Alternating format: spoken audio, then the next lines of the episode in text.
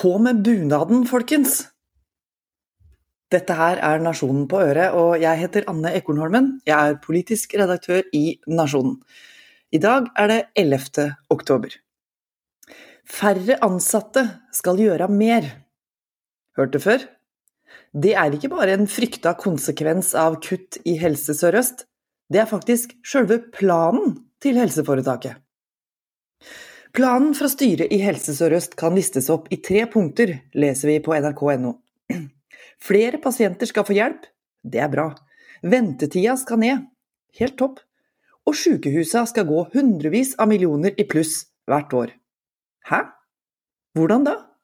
Og hvorfor?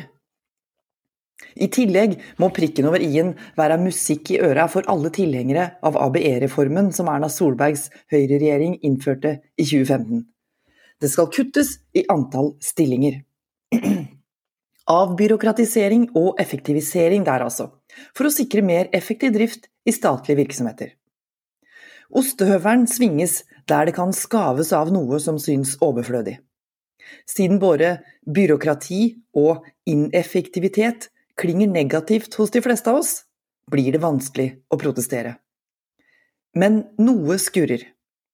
Alle som en gang i livet har jobba med mennesker, eller sjøl vært et, veit at vi passer dårlig i standardiserte skjemaer.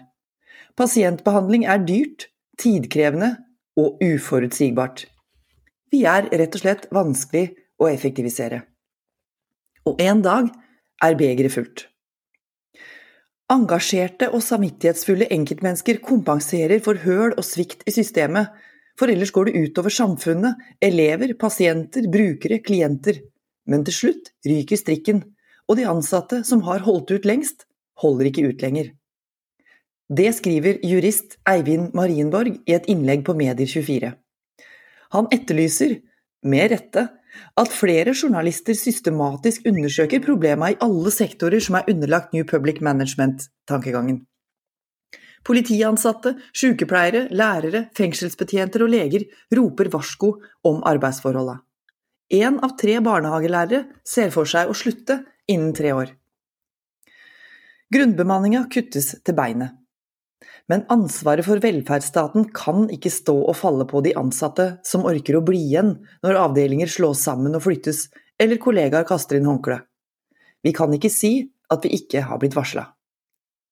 Ida Marie Ringerud, lege i Østre Toten, starta hashtaggen 'Leger må leve' i sosiale medier etter at kollega og venn Maiken Schultz tok sitt eget liv.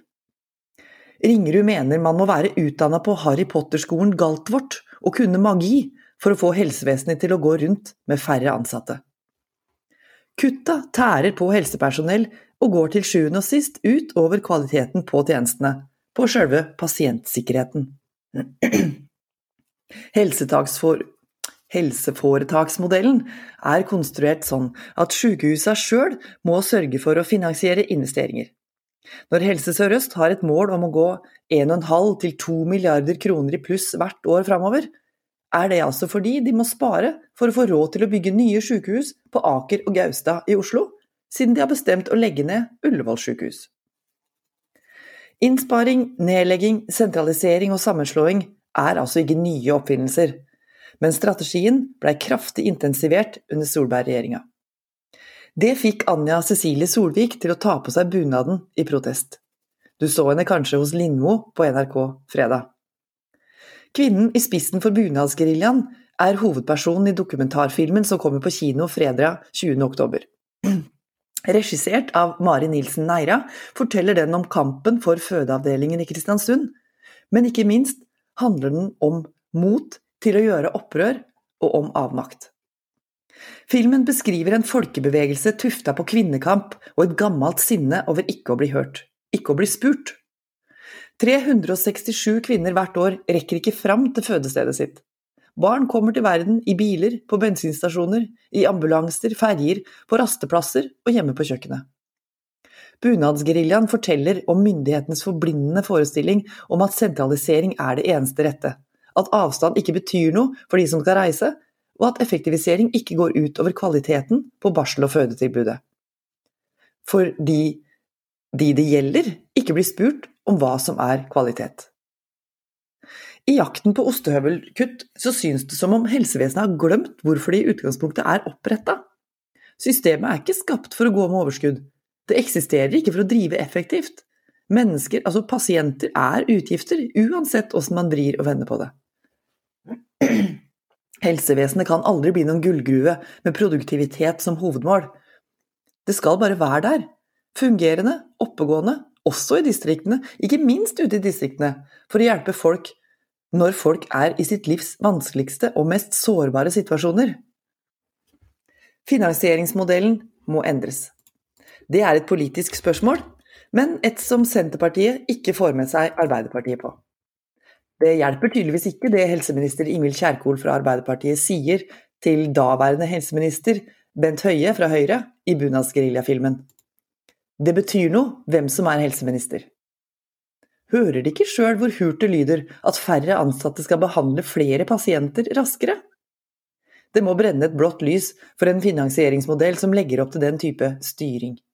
Legene, sykepleierne, fagarbeiderne henger i stroppen fordi de håper det skal bli bedre, har tro på at noen politikere vil høre. Men som Lill Sverresdatter Larsen, leder i Norsk Sykepleierforbund, sa da Helsepersonellkommisjonen la fram sin rapport i vår, det er ikke sykepleiernes moralske ansvar å bufre for regjering eller arbeidsgivers manglende satsing på vår felles helsetjeneste. 17 000 utdanna sykepleiere jobber ikke i helsevesenet per nå. De har funnet seg andre yrker. Hva sier du, Kjerkol, åssen går jobben med å rekruttere og beholde de ansatte? For det er jo ikke penger vi kommer til å mangle i tida framover, det er folk. Det er hender, kompetanse, kapasitet, ansatte i arbeidsfør alder som orker å løpe i hamsterhjulet over hele landet. KS etterlyser en realistisk debatt om hvordan vi kan sikre grunnbemanninga. Helseforetaka, men ikke minst politikerne som forsvarer denne modellen for helsevesenet, må ta inn over seg at presset på effektivisering er for stort på gulvet, der folk jobber. Fastlegehjemlene fylles ikke opp når arbeidspresset øker, sammen med følelsen av å konstant være på etterskudd. Man arver kollegaenes pasientlister når de slutter, og lønna kan aldri stå i stil med ansvar og vaktbelastning. Kortsiktige budsjettmessige valg trumfer alt, skriver Linn Herning, daglig leder i For velferdsstaten, i Klassekampen. Vi må slutte å tro at mennesker bare kan byttes ut eller erstattes av andre. Vi har ikke flere. Nå har du hørt Nasjonen på øret. Mitt navn er Anne Ekornholmen, og dette var en kommentar som du finner mange flere av på nasjonen.no, eller der du hører dine andre podkast. Ha en god dag!